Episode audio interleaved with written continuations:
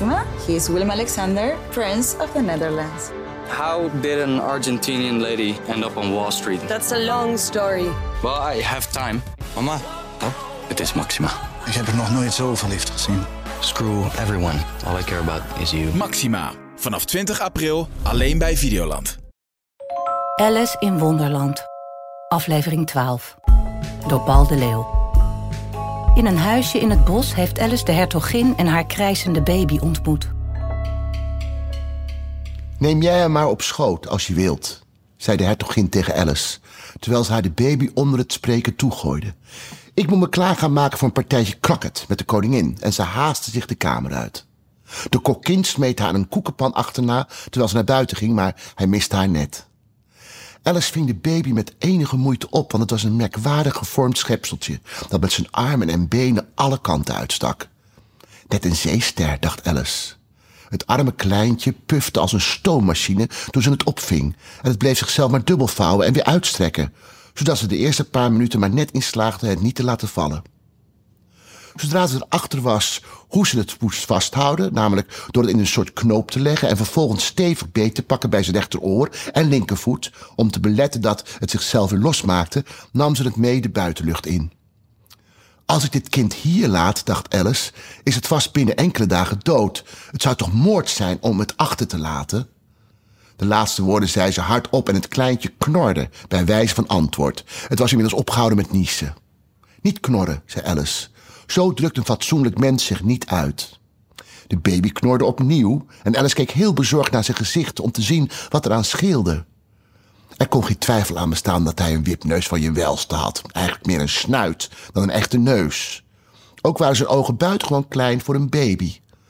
Al met al was Alice niet erg ingenomen met het uiterlijk van het kind. Maar misschien snikte het alleen maar, dacht ze. En ze keek het weer in de ogen om te zien of er ook tranen waren. Nee, tranen waren er niet. Als je in een big verandert, lieverd, zei Alice ernstig, wil ik niets meer met je te maken hebben. Hoor je? De arme kleine snikte weer, of knorde, dat viel met geen mogelijkheid te zeggen, en ze gingen enige tijd in stilte verder. Alice begon zich juist af te vragen: wat moet ik eigenlijk met dit wezen als ik thuis kom, toen het weer knorde zo hard dat ze een beetje verschrikt omlaag keek naar het gezichtje. Deze keer was er geen vergissing mogelijk. Het was niets meer of minder dan een big. En ze besefte dat het buitengewoon mal zou zijn om het verder nog te dragen. Dus zette ze het kleine wezen op de grond en was heel opgelucht toen ze het rustig weg zag stappen, het bos in. Als het groter was geworden, zei ze bij zichzelf, zou het een verschrikkelijk lelijk kind zijn geworden, maar als big is hij vrij knap, vind ik. En ze begon te denken aan andere kinderen die ze kende, die als biggen heel geslaagd zouden zijn. En net zei ze bij zichzelf, als je maar wist hoe ze je moest veranderen, toen ze nogal aan het schrikken werd gebracht door de aanblik van de kolmer kat, die een paar meter verder op een boomtak zat. De kat grijnsde slechts toen hij Alice zag. Hij zag er opgewekt uit, vond ze. Toch had hij erg lange klauwen en een hele hoop tanden, dus leek het haar dat hij met respect behandeld moest worden. Collimer Poes, begon ze een beetje verlegen, omdat ze helemaal niet wist of hij zo aangesproken wilde worden, maar hij grijnsde alleen nog wat breder. Kijk eens aan, tot nu toe bevalt hem wel, dacht Alice, en ze ging voort. Kunt u me misschien vertellen welke kant ik op moet? Dat hangt er heel erg van af waar je heen wil, zei de kat. Ah, dan kan me niet zoveel schelen, zei Alice. Dan doet er niet toe welke kant je opgaat, zei de kat. Nou, als ik maar ergens kom, voegde Alice er bewijs van verklaring aan toe. Oh, dat zal wat lukken, zei de kat, als je maar lang genoeg doorloopt. En daar was volgens Alice niets tegen in te brengen, dus probeerde ze het met een andere vraag. Wat voor mensen wonen hier in de buurt? Die kant uit, zei de kat, met zijn rechterpoot zwaaiend, woont een hoedemaker. En die kant uit, zwaaiend met de andere poot, woont een Maartse haas. Ga maar langs bij wie je wil, ze zijn allebei getikt. Maar ik wil niet naar getikte mensen toe, merkte Alice op. Oh, daar is niets aan te doen, zei de kat. We zijn hier allemaal getikt. Ik ben getikt, jij bent getikt. Hoe weet u dat ik getikt ben, zei Alice. Nou, dat moet wel, zei de kat, anders was je hier niet gekomen. Alice vond het helemaal geen bewijs, maar ze ging voort. En hoe weet u dat u getikt bent? In de eerste plaats, zei de kat, is een hond niet getikt. Mee eens? Dat zou wel eens kunnen, zei Alice. Goed, ging de kat voort. Je weet dat een hond gromt als hij boos is en kwispelt als hij blij is. Terwijl ik grom als ik blij ben en kwispel als ik boos ben. Dus ben ik getikt. Ik noem dat spinnen, niet grommen, zei Alice. Nou, noem het zoals je wilt, zei de kat. Speel jij vandaag krakket bij de koningin? Dat zou ik heel leuk vinden, zei Alice, maar ik ben nog niet uitgenodigd. Daar zie je me weer, zei de kat en verdween. Het verbaasde Alice niet zo heel erg. Ze raakte eraan gewend dat er vreemde dingen gebeurden. Terwijl ze stond te kijken naar de plek waar hij gezeten had, verscheen hij plotseling opnieuw. Dat is waar ook. Wat is er met de baby gebeurd? zei de kat. Was ik bijna vergeten te vragen. Hij is veranderd in een big, zei Alice rustig. Net alsof de kat op een heel gewone manier was teruggekomen. Dacht ik al, zei de kat en verdween opnieuw.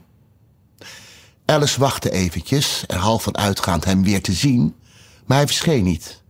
En na een minuut of twee wandelden ze verder de kant op waar de Maartse haas heette te wonen.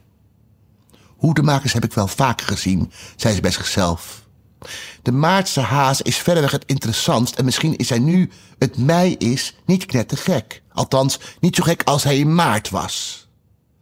Terwijl ze dat zei, keek ze op en daar was de kat weer, zittend op een boomtak. Zei je nou Big of Bill? zei de kat. Ik zei Big, antwoordde Alice. En ik wou dat u niet steeds zo plotseling verscheen en verdween. Het is om van te worden. Goed dan, zei de kat. En deze keer verdween hij heel langzaam, beginnend bij het puntje van zijn staart en eindigend bij de grijns, die nog een poosje bleef hangen toen de rest al weg was. Nee, maar ik heb vaak een kat zonder grijns gezien, dacht Alice, maar een grijns zonder kat, nog nooit in mijn leven heb ik zoiets raars gezien. Ze was nog niet veel verder gelopen toen het huis van de Maartse haas in zicht kwam. Ze dacht dat dit wel het goede huis moest zijn, omdat de schoorsteen de vorm van oren hadden en het dak bedekt was met bont. Het huis was zo groot dat ze niet dichterbij wilde komen voordat ze nog wat had geknabbeld van het stukje paddenstoel in haar linkerhand en ze haar lengte op 60 centimeter had gebracht.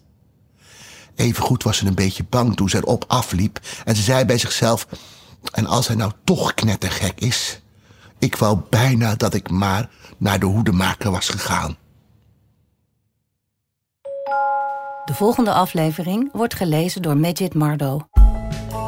Alice in Wonderland is een podcast van Internationaal Theater Amsterdam, Het Parool en Stepping Stone Producties. Vertaling Nicolaas Matsier, uitgeverij Meulenhof Boekerij.